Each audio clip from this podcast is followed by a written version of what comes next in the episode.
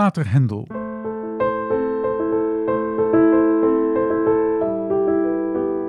Uit de oorlogsverslagen van het klooster. S'avonds kwart voor negen. Wij staan in de kerk te zingen en zijn aan de hymne van de laude gekomen. Een hevige knal, en spoedig fluiten de Engelse granaten rond kerk en klooster. Zware slagen, glasgerinkel.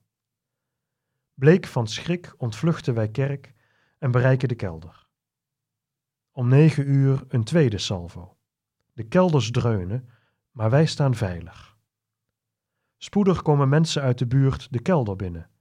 We horen over verwoestingen in de Celestraat, Molenweg, Assendorperstraat. Pater Vijverberg wordt geroepen om een man in de eigen haardstraat, gedood door een granaatscherf, het heilig oliesel te geven. Er zijn acht doden geteld en verschillende gewonden. Een jonge man van 18 jaar komt de kelder binnen. Zijn hand is afgeschoten. Hij wordt naar het Rooms-Katholiek ziekenhuis gebracht. Zo gaan we de nacht in, angstig en toch vol verwachting, wij met een tachtigtal leken. We installeren ons zo gemakkelijk mogelijk, voornamelijk op bidstoeltjes en stro, en pogen te slapen. Na vijf uur in de ochtend stijgt het aantal leken in de kelder tot een paar honderd. Van heilige mislezen komt niets. Pater Hendel reikt om zes uur de heilige communie in de schuilkelder uit aan de hele communiteit en vele leken.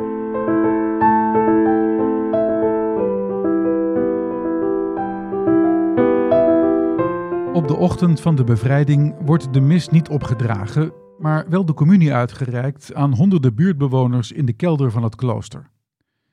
De zelfgave en de dood van Jezus worden herdacht, terwijl de bevrijders bovengronds vechten, ook met de bereidheid hun leven te geven.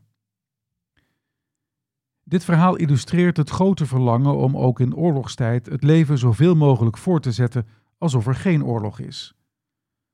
Het klooster, op dat moment opleidingsplek voor jonge nieuwe Dominicanen, weet met veel kunst en vliegwerk zowel de lessen als het dagelijks bidden tot het einde toe vol te houden.